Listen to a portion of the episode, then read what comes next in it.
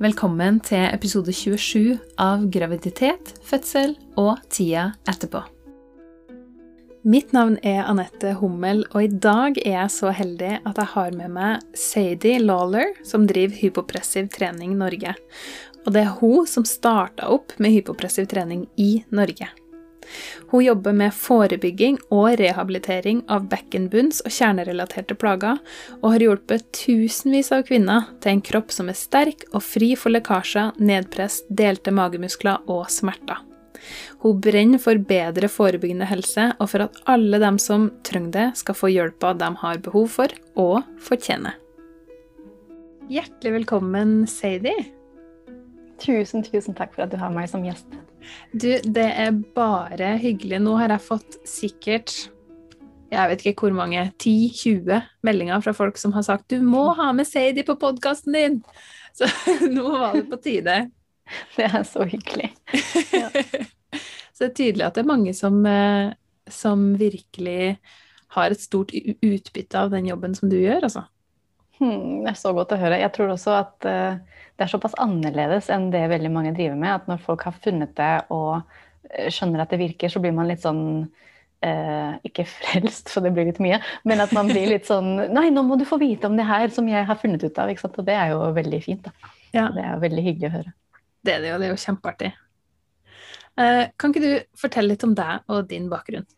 Uh, ja. Først så vil jeg bare takke for at jeg får være med i dag, for det er jo så gøy. Så det har jeg gledet meg til. Så bra. Uh, og du lager så bra innhold, så jeg håper at vi kan lage en kjempebra uh, podkast i dag som vi kan dele med mange uh, og spre god informasjon. Det er jeg helt sikker på at vi får til. Mm. Kjempefint. Men, jeg heter Sadie. Sadie Lather. Jeg, vi snakket litt om før vi starta, men jeg er vokst opp i Barcelona i Spania. Men jeg er flyttet fra USA og så har jeg bodd litt sånn rundt omkring. Men jeg har jo bodd de siste tolv årene i Norge, da. Eh, og grunnen til at du har meg på podkasten her, er fordi jeg driver noe som heter Hypopressiv trening Norge. Eh, og jeg er eh, den som tok med seg eh, hypopressiv trening til Norge. Eh, men det er ikke det jeg alltid har drevet med, for å si det sånn. Eh, og jeg kom egentlig til dette etter at jeg selv opplevde fødselsskader som jeg ikke fikk hjelp med. Så det som skjedde, var egentlig at uh, jeg har en mørk fortid i TV- og filmbransjen. Uh, og jobber med det. mørk fortid. ja, det er en mørk fortid. Um, jeg ble veldig lei av å jobbe i den bransjen uh, og brente egentlig for helse og hadde jobba egentlig mye som personlig trener. og starta en økologisk dagligvare i Oslo som fortsatt fins, som heter Ekte Vare, ja. mens jeg var gravid for første gang. ja. Så det ble en del jobbing eh, og ikke så mye avslapping og sånn, men jeg hadde det egentlig veldig fint. Eh, og det var mitt første barn. Eh, jeg hadde aldri vært gravid før. Um, og har alltid vært liksom veldig opptatt av naturlig helse og bevegelse og sånn, men jeg hadde ikke noe plager egentlig. Uh, hadde nesten ikke vondt, kunne gå og bevege meg som normalt. Jeg var litt sånn sliten og sånn, men Og jobbet veldig mye. Så det kom Jeg tok ikke sånn nå er jeg ganske sånn naturlig av meg, så alt det andre jeg egentlig har gjort i livet mitt, har jeg liksom forberedt ganske godt. Uh, men akkurat pga. at jeg starta en business og det var så mange ting, så uh, i etterkant da, så kan jeg se at den, kanskje den største greia i, som kroppen min har vært gjennom i løpet av livet, som er fødselen, forberedte jeg meg ganske dårlig til. Mm. Jeg var litt sånn uh, Jeg gikk på ABC, så jeg følte at jeg var litt sånn Jeg hadde gjort et, et klokt valg som var i tråd med mine verdier. Eh, og jeg stolte litt sånn blindt på det. Eh, og følte at jeg liksom, bare ved å gjøre det, og at kroppen min kunne klare det, og at jeg kunne få en naturlig fødsel, og alt kommer til å gå bra, på en måte. Mm. Eh, og jeg fikk jo en fødsel, naturlig fødsel på ABC, men den var veldig lang. Jeg var i fødsel i nesten 56 timer. Oi, oi, oi. Og jeg var i aktiv fødsel i over 12. Um, Og det var liksom veldig heftige rier egentlig fra første ri. Um, men jeg var liksom bestemt på at det var det. Jeg skulle klare det, liksom. Uh, Og så var det ikke noe traumatisk, egentlig. Så da hun var ute og, og, på en måte det var ferdig, så var jeg egentlig bare fornøyd. Og det gikk litt tid før jeg skjønte at noe var galt med kroppen min. Uh, mest fordi jeg hadde ikke hatt de plagene gjennom svangerskapet. Hadde, det hadde ikke skjedd noe under fødselen. Ikke liksom tang eller Ja, jeg ble klipt, men jeg følte da at liksom, alle blir jo klipt, på en måte. Ja. Uh, I hvert fall kjenner mange som har blitt klipt. Mm. Um, så dagene gikk i etterkant, og jeg kjente masse nedpress, masse tyngde i bekkenbunnen. Uh, jeg klarte nesten ikke å gå eller stå. Hele kroppen min føltes ut som gelé. Altså, jeg klarte nesten ikke å løfte babyen min, og hun veide bare tre kilo. Eller bare, ja, men Ja, ja. stor baby. Um, og det føltes liksom ut som at noe var på vei ut av underlivet. Jeg kunne ikke tisse, jeg kunne ikke tømme blæra, jeg kunne ikke tømme endetarmen. Det var bare, jeg følte meg helt ødelagt. Men jeg hadde aldri født før. Så jeg tenkte at kanskje det er bare sånn man har det, liksom, etter Mm. å ha født vaginalt. Det vet jo ikke jeg. Um, dro tilbake, prøvde å bli undersøkt. Ja, ja, det her ser normalt ut. Det går seg til, uh, fikk jeg høre. Det går seg til når du slutter å amme. Jeg bare, hæ? Jeg har jo tenkt å amme i to-tre år, er det ikke det man skal, liksom? Jeg kan ikke gå og ha det sånn, eh. Jeg, skal, jeg har en bedrift som jeg skal tilbake til, og det her går jo ikke. Og så måtte jeg presse meg fram hele veien til undersøkelser, til hjelp. Og ble egentlig bare avvist hele veien. Mm. Eh, Jeg maste meg fram til en gynekologisk undersøkelse sånn åtte uker etter fødsel, og da fikk jeg beskjed om at ja, ja, du har litt framfall, men det her går seg til, og det er så normalt, og nesten alle har det sånn. Og, jeg hadde aldri hørt om framfall eller underlivsprolaps. Nei. Ante ikke at man kunne på en måte bli skadet av en fødsel på den måten. Og så jeg kjente jo til og med kvinner som hadde revna fra A til Å, som var og hoppa på trampoline med barna. Jeg bare hadde aldri falt meg inn at det, at det her kunne skje, liksom. Eh, Og tida gikk, og jeg fikk bare ja, du, dra, du kan dra og da fysioterapi. Og så gjorde jeg det da med probe og bekkemunn og kniping og sånn. Jeg ble egentlig bare verre, for jeg ble kjempestram i bekkemunn. Eh, Og tida gikk, og jeg prøvde alt jeg kom over av opptrening og behandling. Og jeg, egentlig så ble jeg bare verre med tiden, og så mer oppgitt og mista liksom mer og mer håp. For jeg alltid vært en kjempeaktiv person og kasta meg rundt og vært den første som er med på ting og elsker å liksom bare bli med og sånn. Og så plutselig så kunne jeg liksom ikke gå en tur til butikken, for da måtte jeg velge mellom å få nedpress eller å liksom øh, gjøre det jeg måtte. Uh, og så gikk det et år, og så skjønte jeg at det her går jo ikke. Jeg må bli sykemeldt. Jeg klarer ikke å gå tilbake til jobben min. Jeg har nettopp starta en bedrift. ikke sant, alle de tingene her. Og så dro jeg til legen, da. Eh, og fikk jeg beskjed fra legen om at nå hadde jeg valgt å få barn. Så jeg måtte jo bare regne med at noe sånt kunne skje. Nei, tuller du?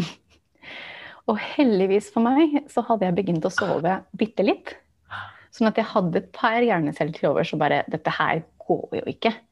Det går jo ikke. Og det var ikke en eldre altså du tenker sånn eldre mannlig lege. Det var en dame på vår alder, altså ikke 40 engang, som sa det til meg. Og da ble jeg helt sånn Det her det må jo finnes noe annet. Kvinner har født barn i liksom millioner, eller ikke millioner av år, men i hvert fall lenge nok til at du må ha flere muligheter enn ja, du har prøvd å knipe i, nei, det funka ikke. Eh, ok, du kan få en sånn gummiring som du kan putte opp i underlivet, nei, det funka ikke. Ja, ok, operasjon, da. Og hvis ikke du vil ha det, så er det that's it. Det her er livet ditt, på en måte.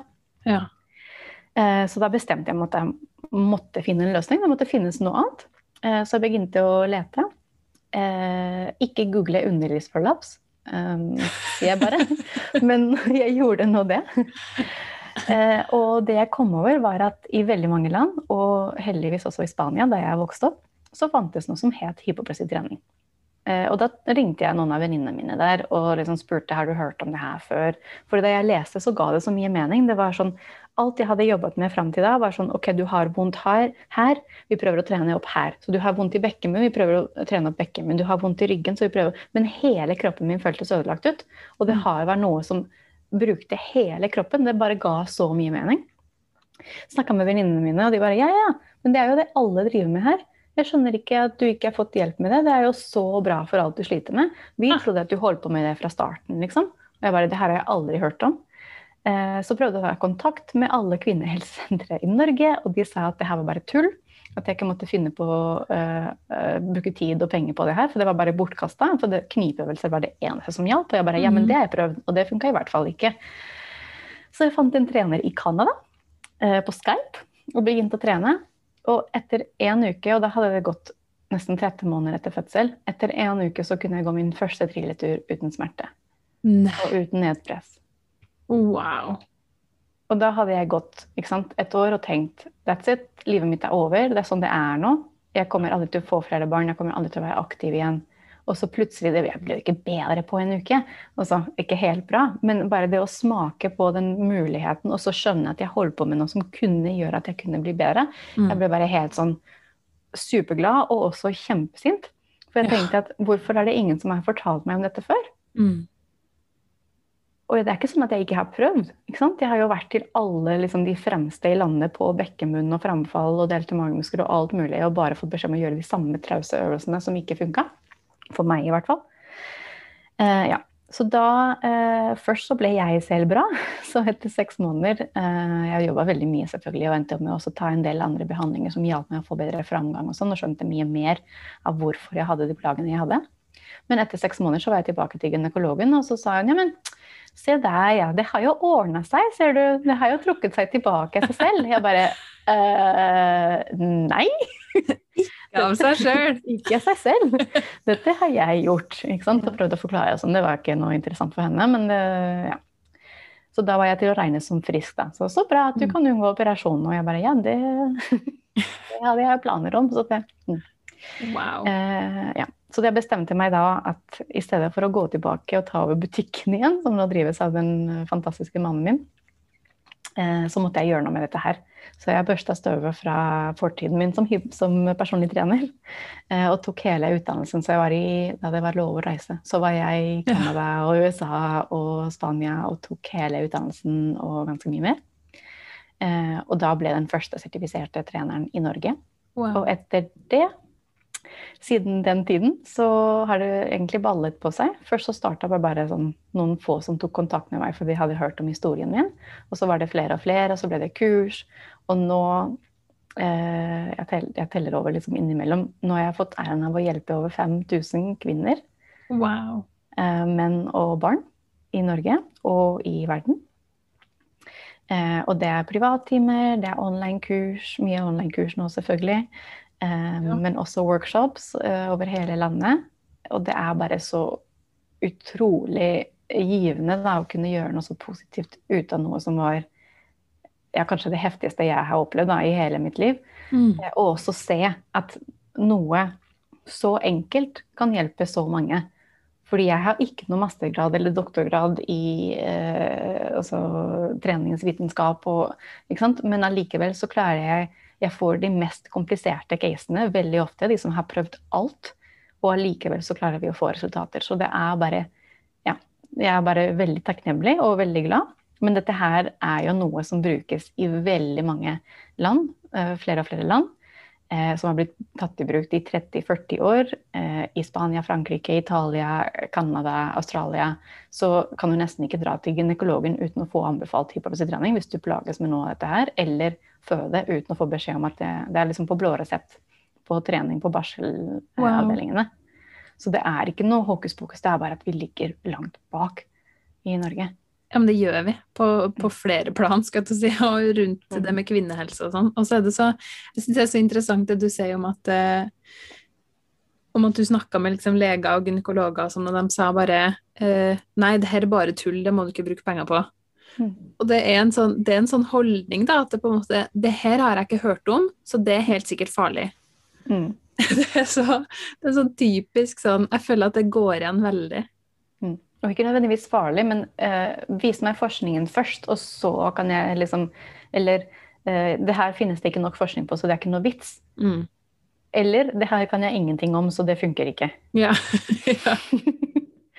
Uh, og det jeg tenker på, og det, du tar opp et så interessant poeng, for det jeg tenker på det viktigste med det, er at som Altså, jeg jobber med mennesker, ikke sant, og ofte Det er folk jeg ikke kan hjelpe. Jeg kan ikke hjelpe alle.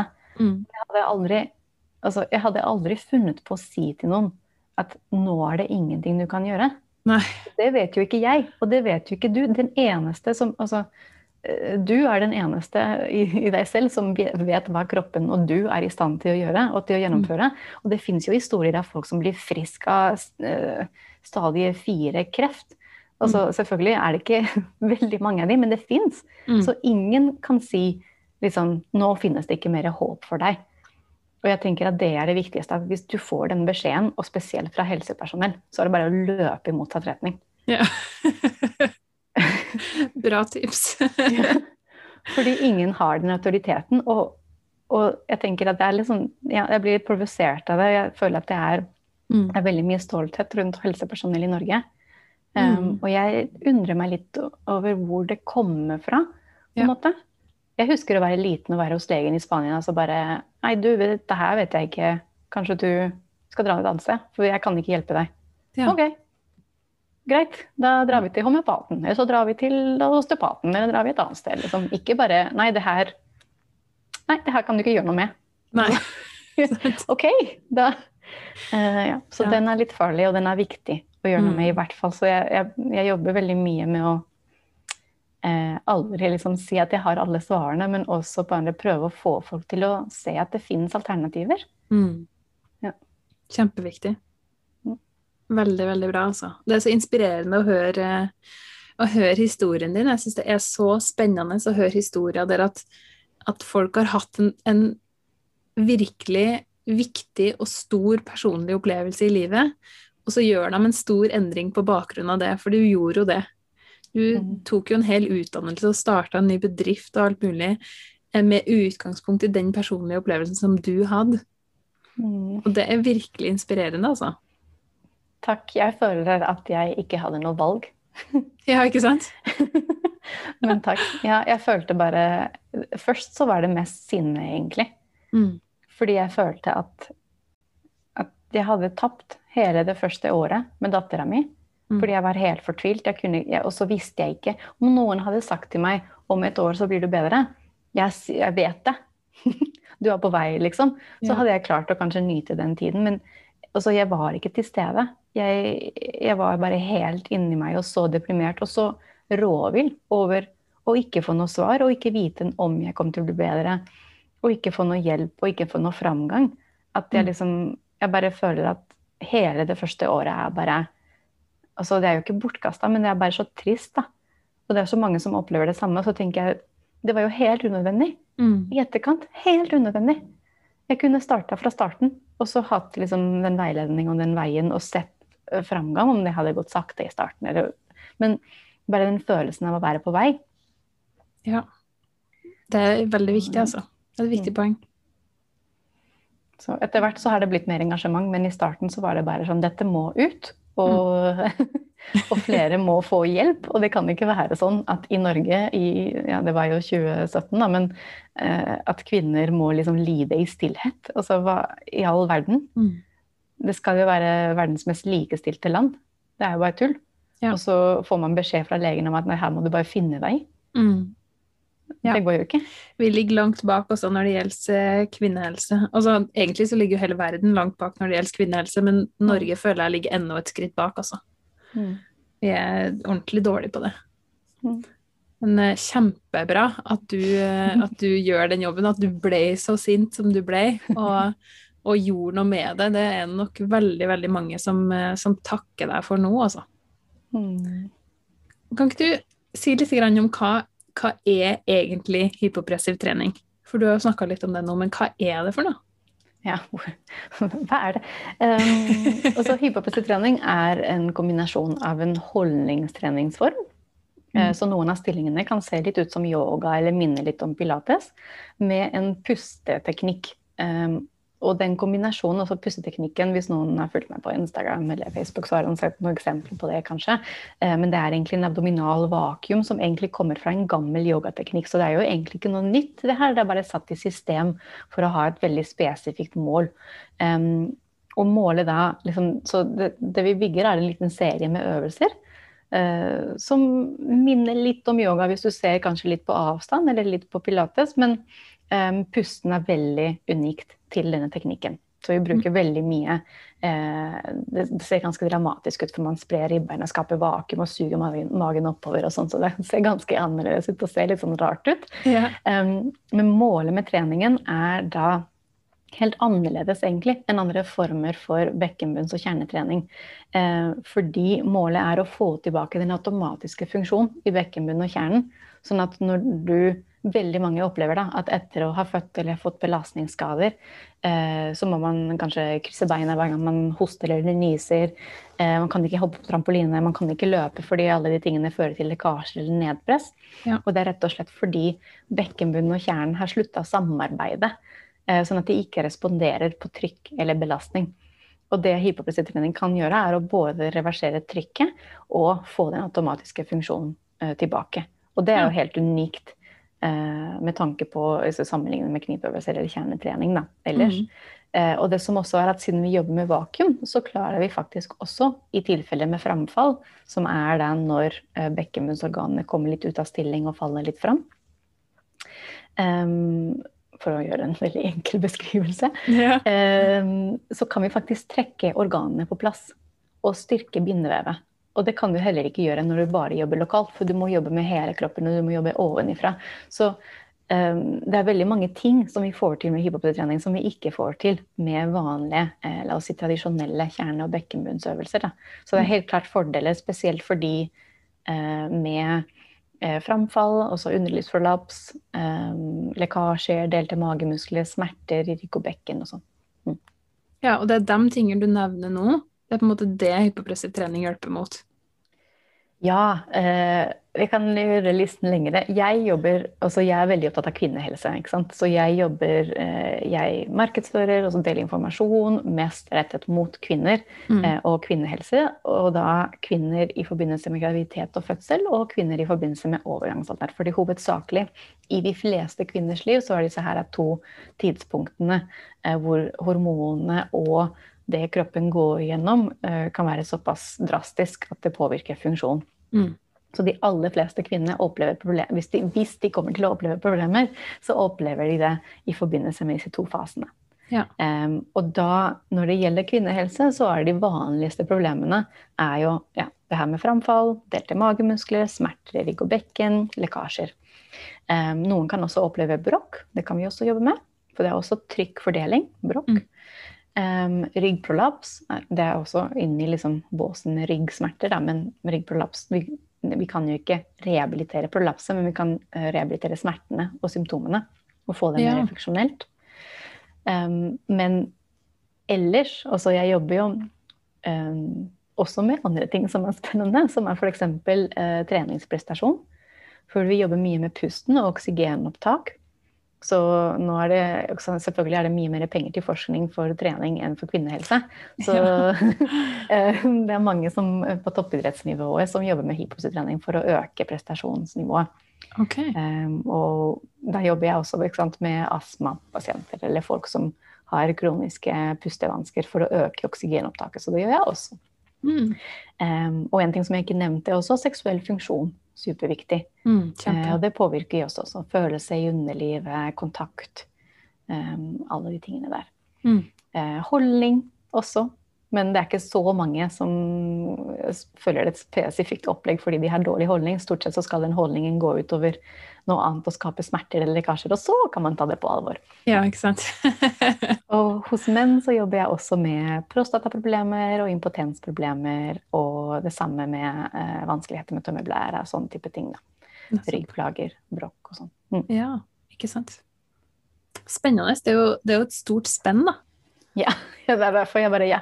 Men jeg fokuserer på kvinnehelse, da, og så er det Mm. sånn de eh, Jeg deler veldig lite informasjon om det andre, men folk finner ut av det for det. For det finnes jo så lite. Eh, så lite hjelp å få. Og så får eh, menn altså, Vi snakker jo heller ikke om det, da, men menn som får fjerna prostata og sånn, de får jo det samme opplegget. De skal bare knipe masse, Mm. og så er det ferdig. Og halvparten av de lekker som bare det.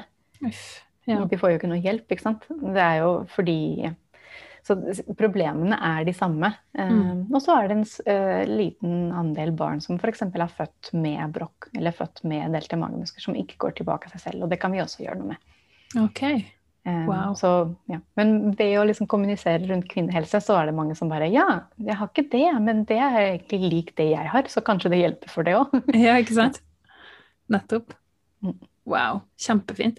Og hva er det på en måte i forbindelse med Fordi at podkasten handler jo om graviditet og fødsel og, og tida etterpå, så hva eh, I forbindelse med graviditet og fødsel og, og den biten der, når, når, bør man starte med en sånn her type trening? For det er jo sånn, når man er gravid, så får man jo beskjed med en gang om knip. Ja. Knip, knip, knip, sier de jo. Ja. Uh, ja. Og så hvis, hvis, jeg skulle hatt det på min måte, så skulle vi gjerne starte i ungdomsskolen. Uh, ja.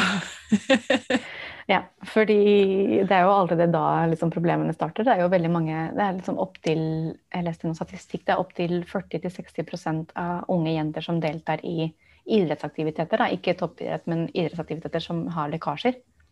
Oi. Og det er i en alder på 12-13 år. Så du wow. tenker at hvis de jentene går videre og tenker at det er helt normalt å tisse på seg gjennom livet, mm. uh, så starter vi på et veldig dårlig grunnlag, da. Ja. Um, så helst forebyggende. For det er mm. mye lettere å forebygge enn det er å rehabilitere. Klart. Utrolig mye lettere å danne grunnlaget for et problem som ikke finnes ennå, enn å prøve å fikse problemet i etterkant, som er eh, egentlig måten vårt moderne samfunn, fungerer. Mm. Eh, at vi skal først få et problem, og så kan vi fikse det. Ja. Eh, og veldig mange kvinner får beskjed om at ja, du må bare holde ut graviditeten, så går det an å trene opp i etterkant. Men det er så mye man kan gjøre underveis. Eh, hvis man først er gravid og ikke har rukket å bygge opp, så er det veldig mye man kan gjøre underveis også. Mm. For det hører jeg også. Ja, men jeg må bare holde det i sjakk. ikke sant? Går til kiropraktor tre ganger i uka hele graviditeten bare for å klare å gå. Det er jo mange som har det sånn. Mm, Balansere bekkenet og sånn. Um, men det er veldig mye man kan gjøre under graviditeten. Man kan starte med uh, hypofysiotrening, altså de vanlige øvelsene som man ikke bruker når man er gravid. Um, fem-seks uker etter fødsel. Uh, ja. Og starte på en måte rehabiliteringsprosessen. Og det er jo det aller beste. Så nå har jeg jo eh, holdt på så lenge at jeg har fulgt opp uh, kvinner etter første fødsel. Trent dem opp igjen, og så har de blitt gravide igjen. Og så fulgte dem opp gjennom graviditeten, og så ja. har de født. Og så følger jeg opp etterpå nå, mm. runde nummer to, eller nummer, nummer tre. Er jeg på noen. Um, og da uh, det er det beste. Hvis vi kan ha kontinuitet og ta vare på funksjonen hele veien. Mm. For vi har veldig mye det synet om at du må bare liksom bite tenna sammen, og så blir det bedre når ungen er ute. Eller. Men det er faktisk ikke sånn. Det er veldig mye man kan gjøre. Og det samme du som jobber med fødsel. Det er masse man kan forberede. Mm. Ikke bare håpe på det beste og møte på fødestua og bare Ja, det går sikkert bra. Vi har jo den holdningen Absolutt. i Norge. Det går sikkert bra. Det ja. ordner seg. Ja. Jordmora vet sikkert hva hun holder på med. Mm. Ikke sant. Ja. ja. Det kan ja. hende, men hun har også andre ting å forholde seg som ikke er deg. Ja, Og så er det jo ikke hun som skal føde, det er jo du som skal føde. nei, nei. Det er noe med det òg. Mm. Men eh, hva er det som eh, er så bra med hypopressiv, hypopressiv trening? Hva er, hva er, fordelene med å gjøre det? Uh, ja, ganske Altså effekt tenker sånn en ting er effekt, og det andre er fordeler. Eh, det er jo en treningsform som på veldig kort tid Hvis du sier et vanlig opplegg, da, hvis jeg jobber med noen som Eller hvis noen følger online-kurset mitt, som er rehabilitering. Da, hvis du tenker at du har en skade eller et problem som du ønsker å gjøre noe med mm. eh, på ganske på kortest mulig tid, eh, så anbefaler vi at man trener fire til seks ganger i uka. Men da er det en økt under 10-15 minutter. Wow. Eh, og på den økten så får du da jobbet med hele kroppen. Du får jobbet med støttemuskulaturen i hele kroppen. Du får jobbet med pusten. Du jobber med avspenning, så du jobber med nervesystemet, så du roer ned. Du øker oksygenopptaket. Ehm, du jobber med bekkenbunnen og kjernen.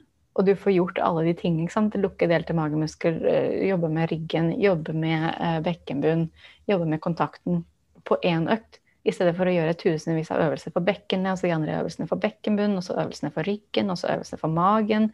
Og så mm. må du gjøre øvelsene for holdning og skulderbladene. Og det blir så mye greier. Mm. Um, så det liker jeg veldig godt. Da, det er en veldig helhetlig treningsform som tar relativt kort tid. Hvor du ikke trenger utstyr. Du kan gjøre det hvor som helst. Um, så det er jo uh, veldig fint. Og sånn jeg tenker at Det som skiller det mest, er det jeg snakket litt om i stad. At det, vi klarer å reversere trykket. Mm. Fordi eh, det er veldig mange plager. Er det noe vi hører hele tiden, er at eh, når vi har problemer da, som lekkasjer og framfall, og sånn, er at ja, nei, nå er du veldig svak. Du er veldig svak i bekkenbunnen, du er veldig svak i kjernen, du er veldig svak i ryggen. Da må du trene opp. Mm. Men ofte med disse problemene så handler det ikke om svakhet, men heller om trykkfordeling. Og det er at bekkenbunnen og kjernen ikke reagerer på trykket. Og trykket er hoste, nyse, hoppe, løpe, løfte, bære, blåse på magen til babyen. Altså alle de tingene øker trykk i buk og bekken. Og hvis ikke bekkenbunnen og kjernemuskulaturen klarer å stoppe opp for det trykket, så forsvinner ikke det trykket, men det bare finner raskest mulig vei ut. Og hvis du da har, sitter der da, dager etter fødsel og har svekket bekkenbunn, for du har nettopp pressa ut en vannmelon, Mhm. eh, så er det en veldig naturlig vei å gå for det trykket. Eh, og Ja. det vil hope seg opp. ikke sant? Så hvis den trykkfordelingen ikke er riktig, så da kan det føre til nedpress eller det fører til lekkasjer. Eller kanskje det hoper seg opp i ryggen. Etc. Så det Ja. å kunne reversere trykket er jo helt unikt, og det er jo noe du ikke får med noen annen treningsform. Um, og personlig, siden jeg opplevde framfall, um, og det er noe som ikke går an å trene opp på noen annen måte, så er jeg veldig takknemlig for at det går faktisk an å trekke uh, organene på plass. I Mm. hvert fall til en viss grad, så man kan bli kvitt symptomer. Uh, og det er også noe som er helt fantastisk. Ja, det er det virkelig. Mm. Det er det virkelig. Og det, og det Altså, for meg, da Nå er ikke jeg noen ekspert på det temaet her i det hele tatt, men, men det høres ganske unikt ut. For det er en sånn ting som er veldig vanlig at man får høre at da må du opereres. Eneste måten å få fiksa det på, er operasjon. Ja. Um, og det er jo ganske tragisk. Mm. Fordi det er jo ikke sant. Um, og ikke minst også um, Det er jo noen som ikke klarer å unngå operasjon. Så har du Mm. um, Framfall graderes fra grad 1 til 4. Har du også en skjedevegg som henger helt ute av underlivet. Du kan ikke utføre mirakler her. Men de aller fleste har relativt moderate tilfeller Mm. og har eh, plagsomme symptomer, men har ikke veldig alvorlige tilfeller. Um, som gjør at liksom, de klarer ikke å leve livet som de vil, men det er ikke så ille til at liksom, de bare skal opereres. Det er bare at det er noe som er- plager dem hele tiden. Mm. Um, de har nedpress, de har, det gnisser i underlivet, de føler altså, ja, alle de tingene der. Mm. Uh, de klarer ikke å tømme blæra og sånn, men det er sånn Det er ikke krise sånn medisinsk sett, fordi de dør ikke av det der. Nei. Eh, Det bare senker livskvaliteten betraktelig. betraktelig. Og Mm. det er ikke så farlig, liksom. Nei, for du er jo en kvinne, så det går Ja, jo helt fint. Ja. Mm, så du skal, du, det finner du deg i. Det, det går fint. Nei. Men, um, det som er utfordringen med sånne operasjoner, for det første så er det sånn at operasjon fikser jo ikke grunnårsaken bak problemet. Hvorfor har du fått framfall? Mm. Det er jo mange kvinner som har framfall etter fødsel, som ikke går tilbake av seg selv, men blir jo så bra at man ikke merker det i etterkant. Mm. Så hvorfor har du et framfall som ikke har gått tilbake til selv? Hva er grunnen til det? Er det fordi kjernen og bekkenbunnen ikke samarbeider? Er det fordi eh, det er for mye press, trykkfordelingen er feil, eh, magemusklene, bindevevet ikke er sterkt nok? Alle de tingene der. Operasjon fikser ingen av de tingene. Mm. Fikser bare akkurat der vevet i skjeden har blitt for svakt. og Uh, i beste fall da, eh, setter, trekker fast, setter fast blæra eller livmoren eller endetarmen eh, i noe annet, sånn at det ikke faller ned. Men så lenge grunnårsaken fortsatt er der, så vil det fortsette å presse på. Mm. Og det er derfor det er jo så mange som opplever at operasjonen feiler. Enten Ja. kort tid eller lengre tid etterpå, fordi det trykket fortsatt er feil. Strukturene rundt ikke er stabile. Mm. Og da, så lenge du fortsetter å leve, leve livet ditt, fordi du får ikke noe beskjed fra legen om hvordan du skal trene opp, eller hvordan du skal holde deg frisk og ikke få tilbakefall, så vil det kunne skje igjen. Og da har du allerede vært innom en operasjon hvor vevet har blitt skåret i, og er tynnere og har mindre festepunkter, og da blir det vanskeligere. Så går man en operasjon til, etc. Mm. Det samme, det samme skjer med delte magemuskler. Ja, du kan lukke magemusklene med operasjon, men du fikser ikke funksjonen i kjernen. Du er fortsatt kjempesvak. Det er ikke noe bedre funksjon, det er bare at du har fiksa det kosmetiske. Så da har Ja. du fiksa delte magemuskler, for du har ikke delte magemuskler lenger. Men kroppen din oppfører seg fortsatt som om du hadde delte magemuskler. Ja, ikke sant. Og det er det som er utfordringen, at vi ønsker jo en quick fix. Um, ikke Symptombehandling. quick- Ikke sant? Ja, symptombehandling. Og det er Mm. akkurat det det er. Men vi må faktisk komme til grunnårsaken hvis du skal eh, nå, altså Ikke at jeg er kjempeung, da, men jeg var jo 32 da dette her skjedde.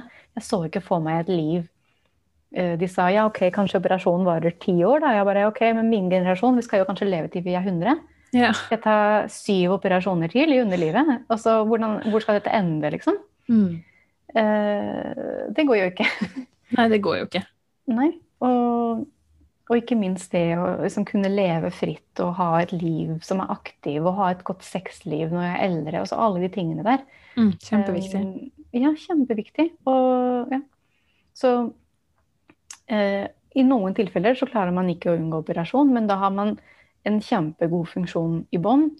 Har man vev som er mye sterkere, og da har man alle verktøyene for at ikke operasjonen skal feile. Um, så jeg jobber også med kvinner som nettopp har blitt operert og ønsker å vedlikeholde f.eks. Mm. Um, eller i noen tilfeller så klarer vi å reversere såpass mye til at de ikke trenger en like omfattende operasjon f.eks. Ja. noen caser i det siste, så i stedet, de kaller det for full Manchester. Når du skal liksom heise opp alt og smekk, smekk, smekk. smekk, smekk. Mm. Um, jeg hadde en som skulle egentlig inn og gjøre det nå i april. Men så var hun inn til vurdering en gang til, og da bestemte vi at det eneste de egentlig trengte å gjøre, var å feste livmor. Eh, for resten hadde ordna seg selv. Ja. Helt av seg selv. Eh, helt av seg selv, ja. Det går noen rykter på Ullevål. Ja. Men så Og det er jo kjempefint, ikke sant? Fordi da kan hun få en kjempemye bedre funksjon og mye mm. mindre omfattende operasjon. For det er ingenting som er risikofritt. Sant. Ja. Men som regel så pleier vi å si at vi kan reversere opp til to grader framfall. Eh, som betyr at de aller fleste eh, som er mellom 1 til, altså grad 1 til grad 3, og grad 3 er der framfallet på en måte eh, dekker inngangen til skjeden og kan komme litt ut til tider, mm. så kan vi da i de aller fleste tilfellene bli kvitt symptomene. Om ikke framfallet er borte helt, men du kjenner ikke noe til det. Så wow. da kunne det liksom like så godt blitt borte. Og det er jo kjempebra. De aller fleste er i, i, den rangen. Det er jo ikke så veldig mange som har grad 3-4 hele tiden. Det er jo helt fantastisk. Mm. Mm. Ja, nydelig, altså. Å, det, er så, det, er så, deilig å høre at det, at det fins gode alternativ. Mm. For det, jo... det, aller, det, aller, beste er å ikke få det første gangen. Altså forebygging. Ja, ikke sant? det er det beste. Men når uhellet er ute, så finnes det gode alternativ. Ja. Det er jo dessverre sånn at vi på en måte ikke eh, som regel så har vi ikke hørt om de tingene her før vi har et problem. Mm. Fordi vi er ikke ute og leter etter det. Nei. Jeg tenker at det er sikkert noe du møter på også, men jeg føler um, nå, liksom, Som sagt så gjorde jeg ikke liksom like mye research som jeg kanskje ville gjort på andre ting i livet mitt før jeg fødte. Men jeg leste ganske mange bøker, og jeg følte meg også litt sånn sviktet av um, også flere som hadde skrevet sånne fine, de, fine bøker hvor de beskrev liksom alt mulig som kunne skje i etterkant. Hemoroider og rifter. Og ikke et mm. eneste sted var det nevnt noe som helst om farmfall. Nei. Eller lekkasjer eller nedpress eller noen ting. Mm. Eh, jeg følte meg så sviktet i etterkant. Og så kjente jeg ingen som hadde det, og hadde bare sånne venninner som også fødte og løp maraton tre uker senere. Så jeg hadde liksom ikke noe forhold til de tingene der. Um, men jeg føler at om det er tabu om, også, Det er jo så vanlig. Vi, vi regner med at nesten opptil 50% av kvinner vil oppleve en form for framfall i løpet av livet sitt. Mm. 50 Så det er Alle burde snakke om dette her. Ja. Ja, det er ikke sånn at du bare Og så snakker jeg med folk ja, det her er så snevert. Nei, det er faktisk ikke det. Nei. Så, og veldig mange har det og ikke vet at de har det, og har plager som egentlig eh, forbindes med det, men ikke vet at det er pga. det. Um, ja, så jeg, jeg, snakker om underlivet mitt, og uh, mannen min står i butikken og snakker om underlivet mitt. det, det, er superviktig. Snakker om underlivet mitt med dattera mi sånn, som er fire år, og bare Ja, hva skjer nå, liksom? Og mm. hoster du? Ja, men da skal bekkenbunnen gå opp, du skal ikke gå ned. Du skal mm. ikke prompe når du hoster, da er det noe feil, liksom. Ja, det, det, er kjempeviktig. Mm informasjon og ikke tabu, og liksom forklare hvordan kroppen fungerer, ja, sånn at man kan liksom fange opp ting før det er et problem. Mm. Ja. Men det du sa der, er jo, er jo litt sånn, en, også en litt sånn interessant ting, da. For det, det, er jo ingen som har fortalt meg noen gang at du ikke skal prompe når du hoster, f.eks. Altså, sånne, sånne, symptomer, da, ikke sant, som man ja. kanskje ikke er så oppmerksom på. Ja. Eh, har du flere sånne symptomer, skal jeg si, som vi på en måte ikke eh, som vi ikke snakker om, da, men som er tegn på at du bør gjøre noe med det? Ja, altså De vanligste er altså, Man skal ikke kjenne at man holder på å tisse på seg når man ler eller nyser eller hoster eller hopper trampoline. Mm. Uh, det er kanskje, veldig ja. vanlig. Ja, det er kjempevanlig. Mm. Vi bare finner oss i det. Det er kjempenormalt å tisse på seg etter fødsel. Hvorfor det? Ja. Eh, Det trenger ikke være det. Du tissa ikke på deg før du fødte. Og så hvis det skjedde noe veldig traumatisk, ikke sant? og du hadde en kjempestor operasjon og så selvfølgelig, Det kan skje ting som ikke kan reverseres, men Mm. de aller fleste som går gjennom en relativt vanlig vaginal fødsel, og til og med keisersnitt, skal kunne få tilbake en tilnærmet normal funksjon Mm. i underlivet, bekkenet og kjernen og ryggen og hele pakka. Det er ingen grunn til å tro at vi skal bli ødelagt for resten av livet. Nei. Um, ja, så det er jo én ting. Det er lekkasje som kommer ved trykk og sånn. Um, Det samme med luft, selvfølgelig. Mm. Um, og annen ting som man ikke liksom tenker så mye på, som er en ting jeg aldri tenkte på. Så jeg er i den prosenten Eh, De fleste av oss er litt før historie her, men de fleste av oss er jo La oss si opptil 98% av oss er jo født med en automatisk funksjon som gjør at kjernen og bekkenbunnen reagerer på belastning. Mm. Det er jo noen som er født uten, enten fordi man lå veldig sammenkrøllet i magen, eller ja, hva er årsaken Ja. til det. Men eh, eksempel, noen små babyer har jo brokk når de er født. Mm. Um, og de har jo ikke gjort situps liksom, eller løfta på sofaer inn i magen. De har jo ikke blitt utsatt for annen belastning enn å bli født og ligge inn i magen.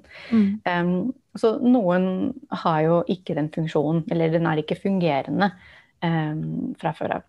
Og jeg kjenner meg igjen i at jeg trente, jeg trente masse. Jeg trente crossfit, jeg trente masse greier. Altså, jeg elsket å trene kjempetungt. Um, jeg kunne trene meg grønn på mageøvelser og aldri få sixpack. Aldri få flat mage. Altså ikke sixpack fordi jeg er veldig glad i sjokolade, men aldri få flat mage. Eh, det hadde jeg aldri hatt. Mm. Og aldri kjenne liksom Aldri bli støl i magen på den Mm. måten jeg hørte. Men jeg, jeg tenkte ikke over det, for jeg hadde ikke noe plager. Liksom. Jeg tenkte det er bare sånn kroppen min er, og jeg er Mm. glad i god mat, liksom, så det er bare this is it. Men det er etterkant, nå som jeg har trent opp funksjonen igjen, og nå kan jeg løfte liksom stang over hodet eller løfte tunge ting, og så kjenner jeg at kjernen og bekkemunn skrur seg på. Det har jeg aldri kjent før. Um, så jeg kjenner meg igjen at den funksjonen ikke var på plass. Og det er veldig mange i etterkant, da, jeg, når det var lov å trene på treningssenteret og vi i Oslo er litt sånn utsulta på det, um, men, um, men dratt på et gruppetimer, da, og Mm. sett så mange mennesker som sitter og gjør crunches og planken, og magen presses ut. I stedet for å strammes inn og gå opp, som er den automatiske funksjonen. Ja. Og de kaster seg rundt for å prøve å gjøre situps og kaste hodet opp for å liksom prøve å få den sammentrekningen når ikke funksjonen er på plass. Og så Mm. ser du treneren ved siden av. 'Bare én til! Bare to til! Kom igjen!' Og du bare, den personen der kommer til å få brokk eller ryggprolaps, eller Mm. kanskje de kommer bind fordi de driver og tisser på seg nå gjennom timen. Altså, det Mm. går jo ikke. Men vi har ikke den kunnskapen. Um, så det er jo en sånn god pekepinn på at noe Mm. ikke er på plass, da. Altså at magen Eh, går ut når man Ja. anstrenger seg. Mm. Og det kan man ta en sånn skikkelig enkel test på hvis man bare legger seg ned på ryggen på gulvet. Um, helt avslappet. Og så tar man bare en skikkelig hosterunde. Tar en hånd på nedre del av mage, som mellom navlen og symfysen. Og så bare hoster, og ser hva som skjer. Går den, den hånda oppover mot taket, dvs. Si presser magen din hånda oppover mot taket, Mm. um, da er det ikke funksjonen på plass. Hostetest er veldig heftig, da, for det hoste er jo det verste. Altså, det kommer jo rett ned, og det er masse trykk. Så Ja. selvfølgelig kan det hende at du har litt bedre funksjon når det gjelder trening eller andre ting. Mm. Men det er en veldig bra måte å sjekke. Um, og hvis du kjenner det, at magen presses opp mot taket, at det ikke er noe kontroll der, um, så er ikke den delen av funksjonen på plass. Og da kan du også faktisk kjenne med den andre hånda uh, mot skjedeinngangen. Mm.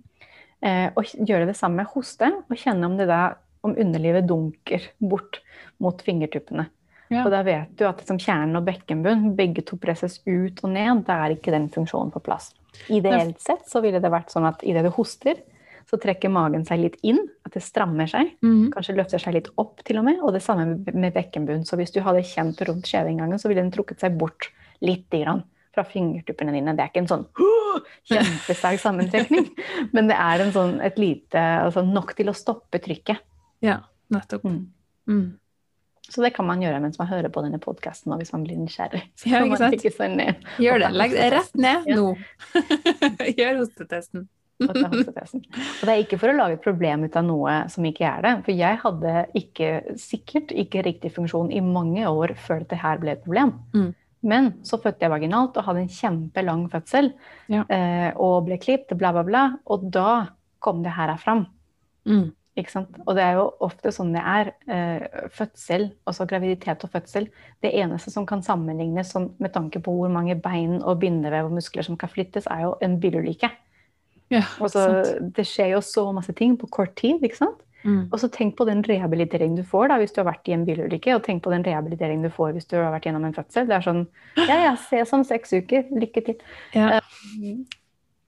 Så, uh, men, men ikke sant, og da er det sånn da, Det er jo den største stress, stresstesten de fleste kvinnene skal gjennom, de fleste Mm. kvinnekroppene. Og da, da kommer fram alle feilene.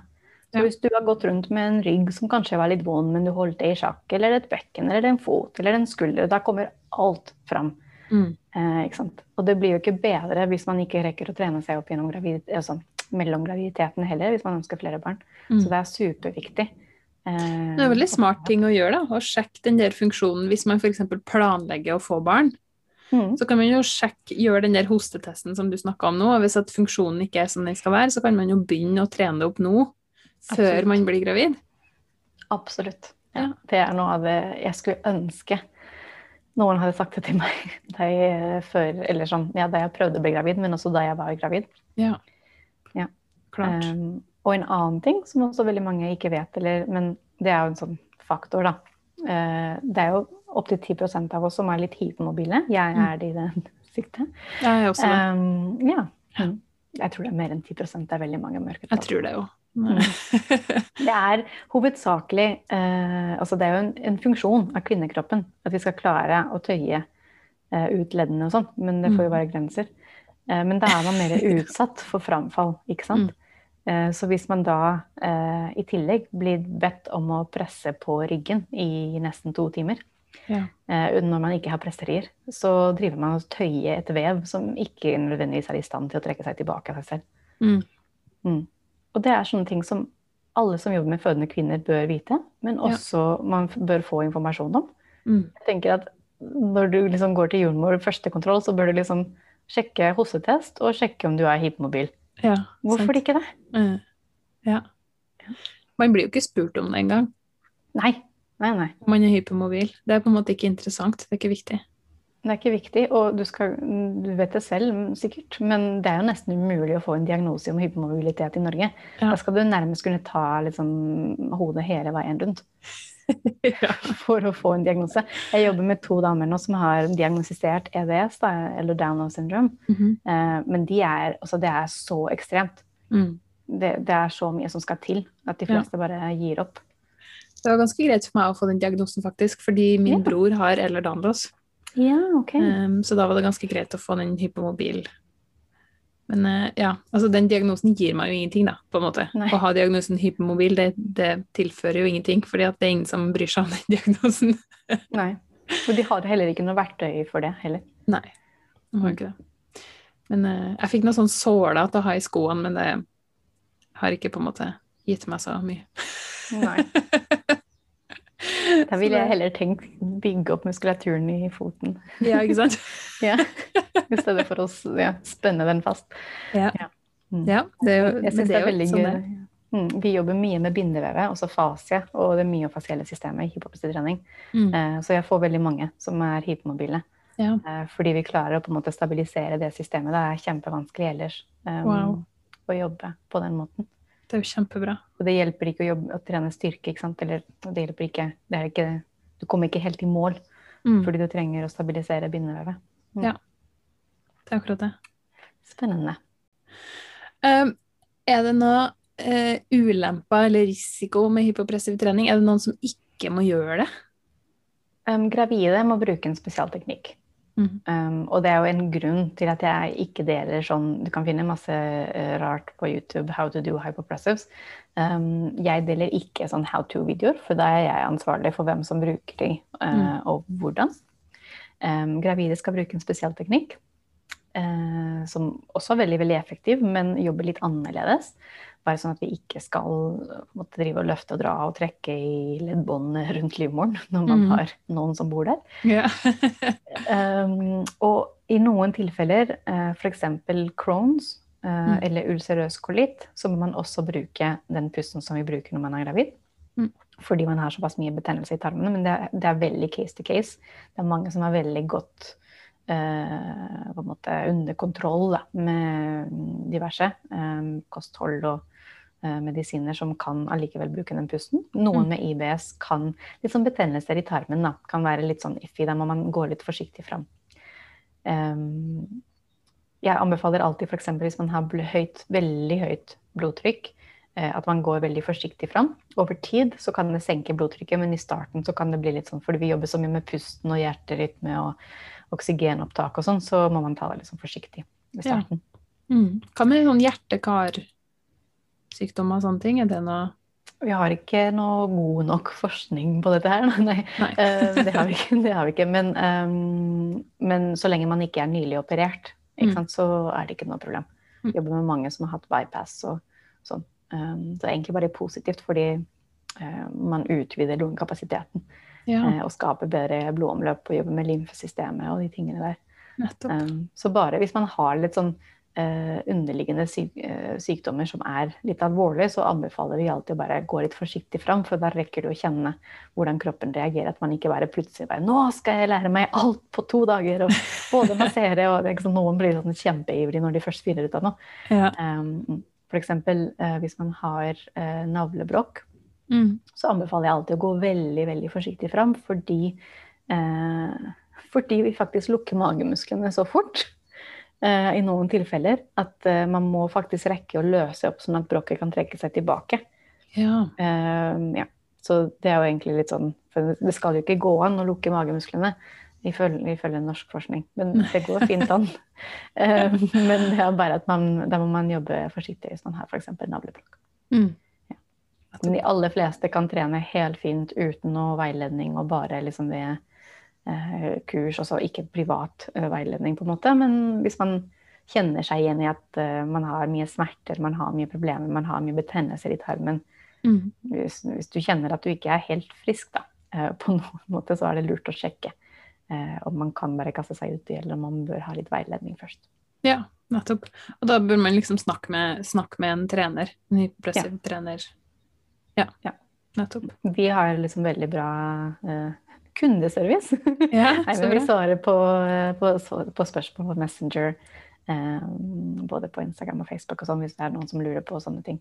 Ja, Eh, så prøver vi å liksom følge opp og sånn. Og så bygger vi jo eh, Nå pga. korona så har det vært selvfølgelig på vent, da, men eh, jeg har nå flere og flere sertifiserte trenere også eh, over hele landet. For jeg har jo også videreutdannet eh, andre innen dette, men det har jo vært litt sånn pause. Så jeg håper at kanskje det blir etter sommeren, så får jeg ferdigutdanna et nytt kull. Ja, så bra. Um, så da blir det også flere.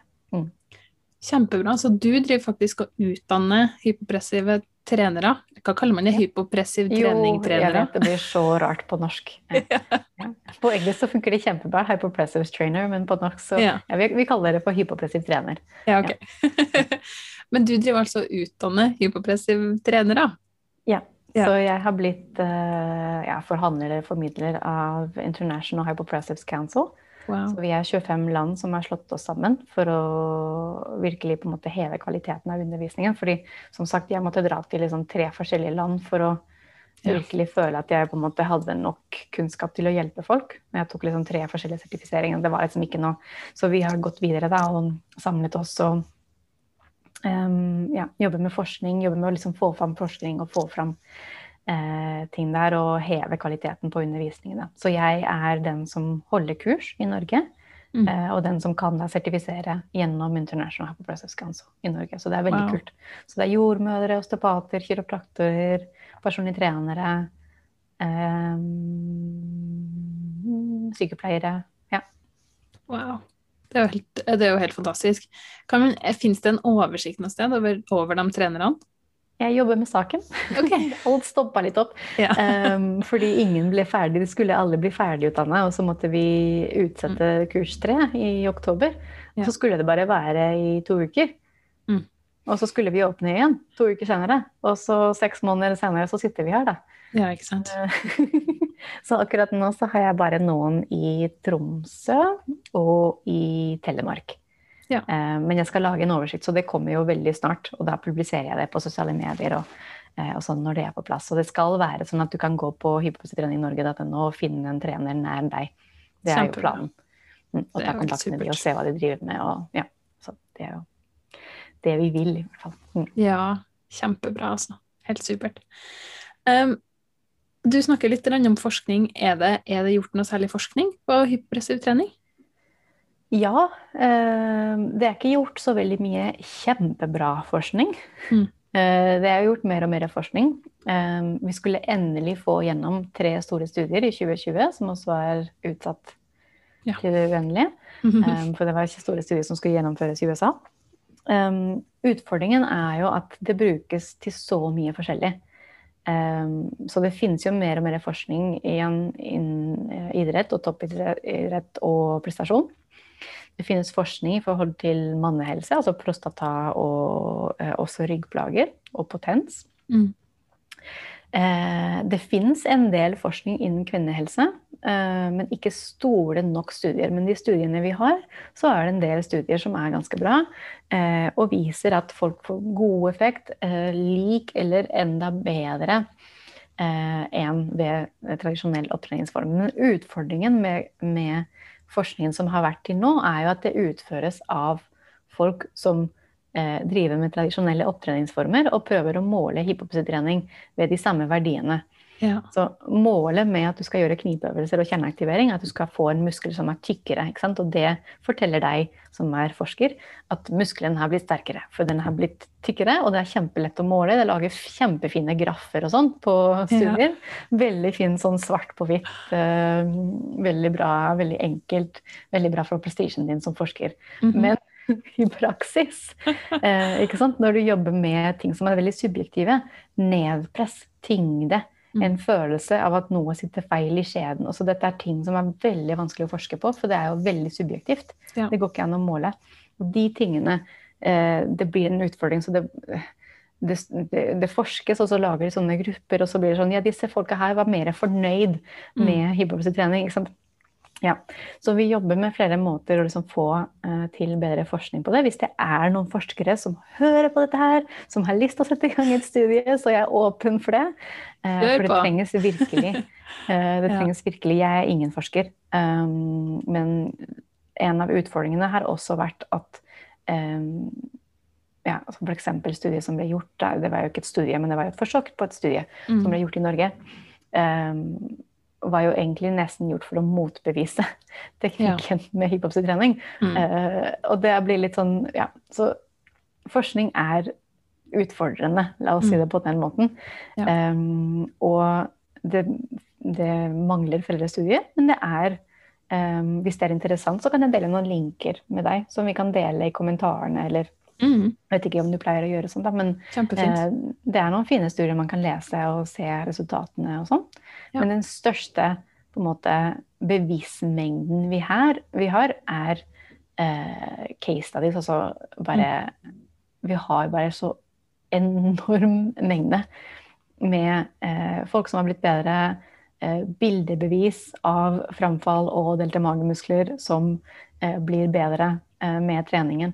Og det som har skjedd i flere og flere land, er at f.eks. i Spania og Frankrike er at det har blitt bare så overveldende at leger og gynekologer liksom, de har bare de har ikke, Hvorfor skal de liksom på, stå på bakbeina og si at dette her ikke funker, når de får altså, hundrevis av mennesker gjennom klinikken hver dag som sier at det funker, Ja. og som opplever det, at de får det bedre?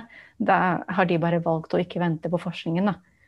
Eh, Mm. Fordi hva er poenget? Og så Ja. når du bare får hele tiden folk Se, jeg har lukka deltakermagen. Se, jeg har trakket framfallet på plass. Se, jeg le le lekker ikke lenger. Så står ikke du og sier nei, det her er det ikke sant. Ja. Vis meg forskningen. Og så, ja. Ja.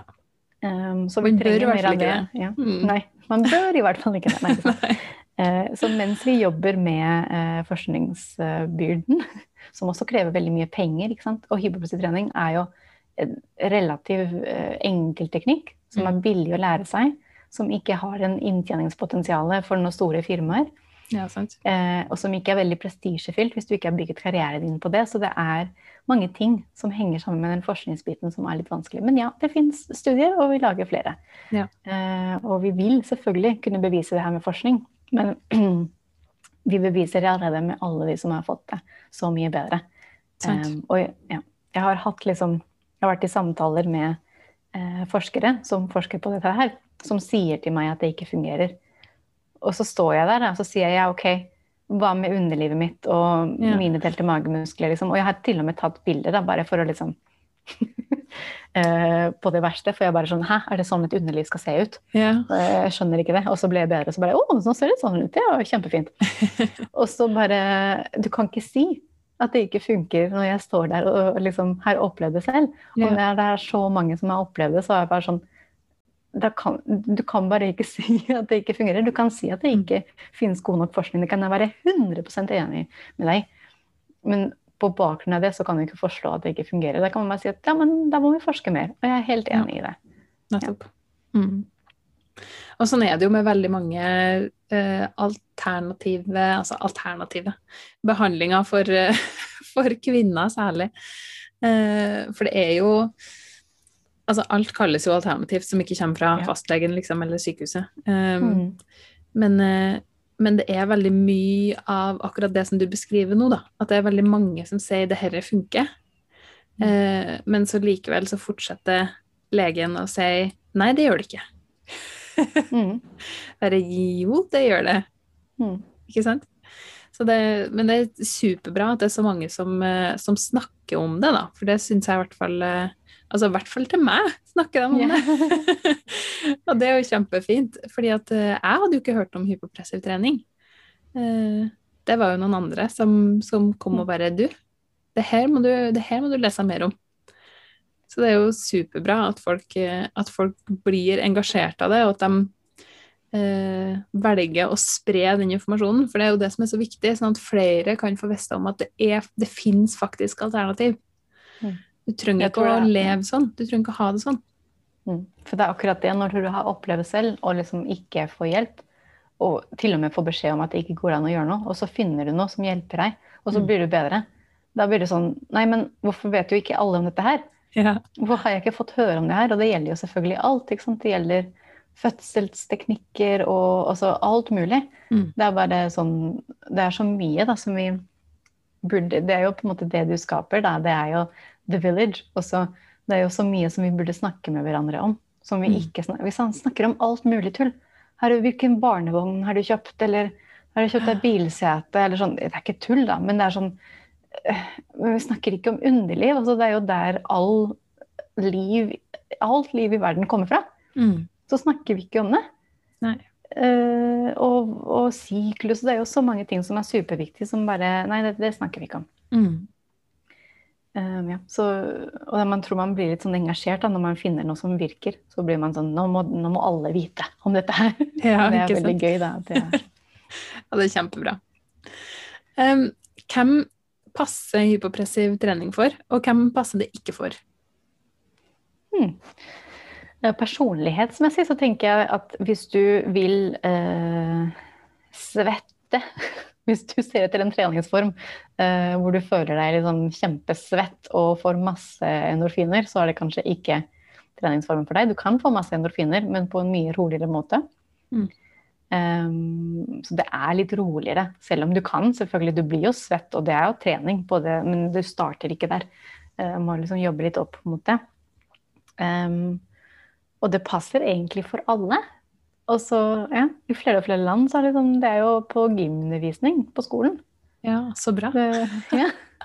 Fordi vi er jo et samfunn som har dårligere og dårligere holdning, og jobber og sitter og vi beveger ikke kroppen sånn som den er ment til å bevege seg, så vi trenger øvelser som retter på holdning og pust og spenner av, ikke, sant? ikke minst kronisk stress og etc. Mm. Så det passer for alle, egentlig. Um, Det er mye man kan forebygge. Uh, For deg som vil ha god seksuell funksjon ut i livet, uh, ikke vil gå med bleie når du blir eldre, vil leke med barna dine og barnebarna, og så og ikke minst liksom helt på det ekstreme, da. hvis du liker å løpe maraton, eller så kan du tjene sekunder på løpet ditt og Mm. Så det er på en måte veldig mange måter å bruke det på. Det er jo en veldig helhetlig treningsform, og det blir veldig mange starter med det og så tenker at det her er bare noe som jeg skal gjøre. Åh, kjedelig øvelse. Jeg må bare gjøre det for å rehabilitere. ikke sant? Og så blir jeg bedre, og så bare, kan jeg bare gjøre det en gang i uka, så er det bra. liksom. Mm. Og så blir det litt sånn, det blir en slags meditasjon, eller den ting de gjør, hvor de bare, du føler en kjempedeep connection med eh, bekkemunn og kjernen. Du kobler med pusten, du kobler inn i kroppen din. Eh, du lander liksom skikkelig. Og vi lander ikke så mye mm. i kroppene våre, i livene våre sånn som de er nå. Sant. Vi er veldig mye ut og liksom inn i sosiale medier eller inn i dataen og liksom ut av kroppene våre. Så det er veldig mange som da blir sånn Ja, dette her, nå gjør jeg det hver morgen. Det er bare sånn jeg er. Jeg gjør det liksom, eller jeg gjør det før jeg skal spise, eller jeg gjør det sånn det. Nå gjør jeg det hver dag. Fordi det bare kjennes så deilig ut. Ikke sant. Mm. mm. Og det er herlig, da. Mm. Det er litt sånn, det er mange som blir sånn med yoga. Ja. At de blir sånn frelst. At det på en måte bare blir en del av, en del av den daglige rutinen. Bare, mm. Jeg bare må gjøre litt yoga hver dag. Uh, så det er jo kjempefint hvis hypopressiv trening har den samme, samme effekten på folk. Og så har den jo i tillegg en veldig stor helsegevinst. Det kan jo yoga ha, selvfølgelig også. Mm. Men uh, det er jo supert. Og hvor kan man lære seg hypopressiv trening, sånn som det er nå? Eh, den enkleste og raskeste måten hvis man eh, skal komme i gang, er jo via online-kurset eh, mm. som jeg har. Jeg har både et online-kurs for de som ikke er gravide. Det gjelder egentlig all, hele samfunnet som ikke er gravid. Ja.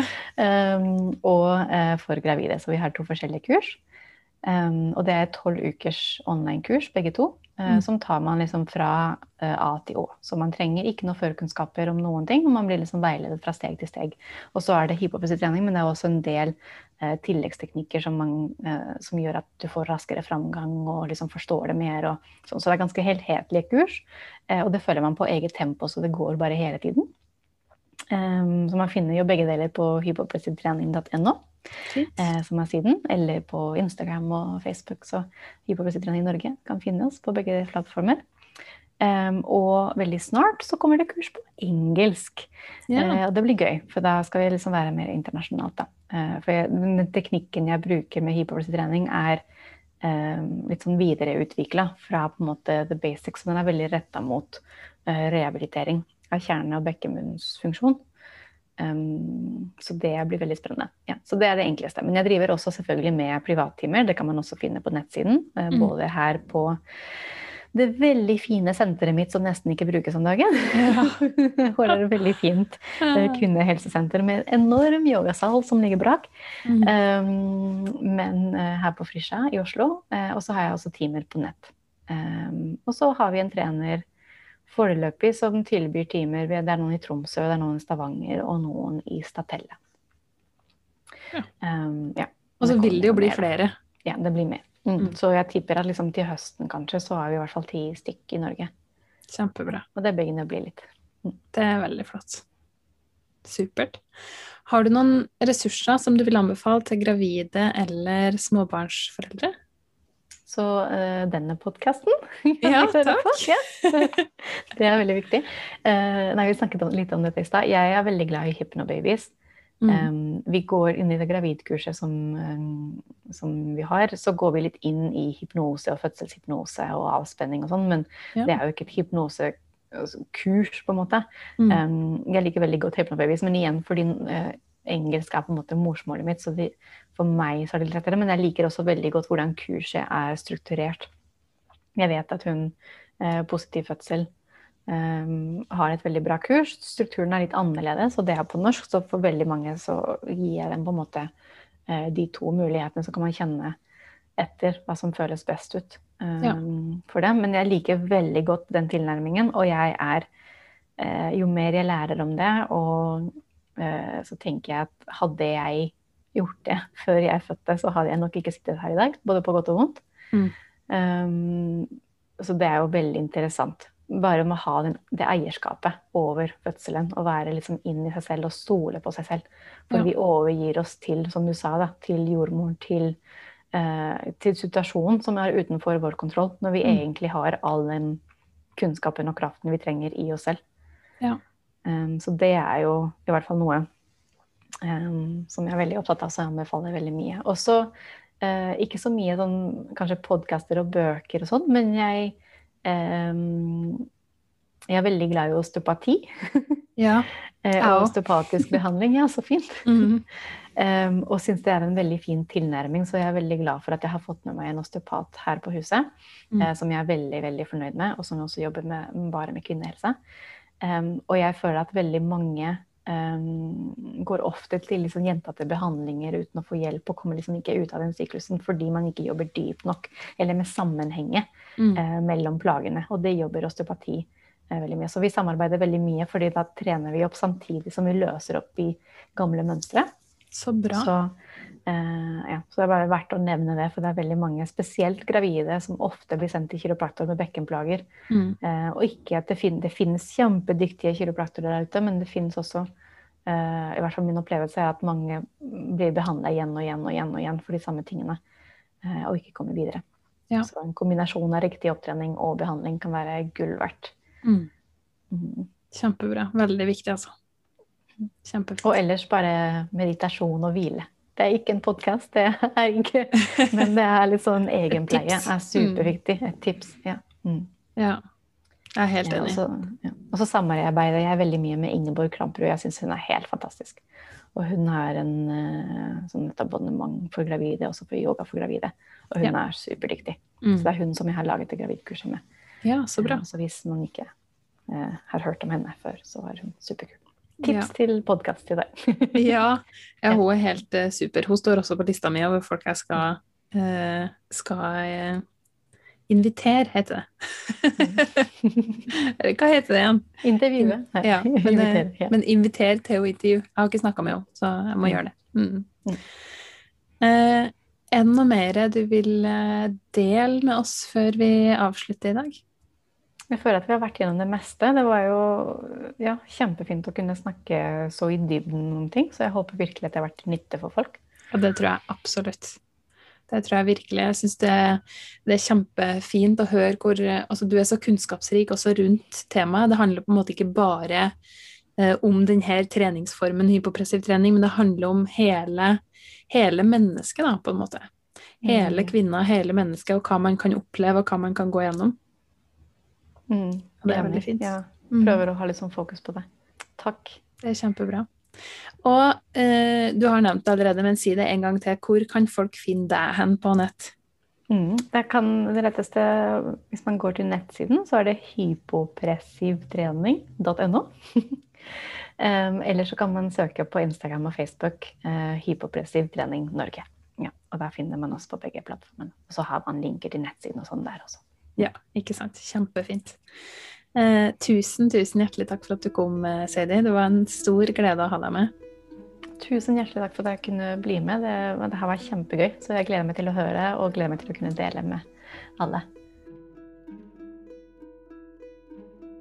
Takk for at du hørte på graviditet, fødsel og tida etterpå. I neste ukes episode har jeg med meg 29 år gamle Kristiane Kristiane jobber som sykepleier og har to barn på tre år og seks måneder. Kristiane skal fortelle sin andre fødselshistorie, og hun forteller om et tøft og utfordrende svangerskap både fysisk og psykisk, og om en veldig fin, dog ekstremt rask fødselsopplevelse. Hvis du likte denne episoden, er det supert om du legger inn en anmeldelse eller deler podkasten med noen du tror vil ha glede av den. Ikke glem å abonnere, så får du beskjed når det kommer nye episoder. I tilfelle det var noen tvil, så vil jeg også nevne at jeg ikke er verken lege eller jordmor. Temaene som tas opp på denne podkasten, er kun ment som generell informasjon, ikke som råd eller oppfordring til handling. Hvis du har spørsmål eller bekymringer når det gjelder din egen eller ungene dines helse, så vil jeg på det sterkeste anbefale at du snakker med legen eller jordmora di.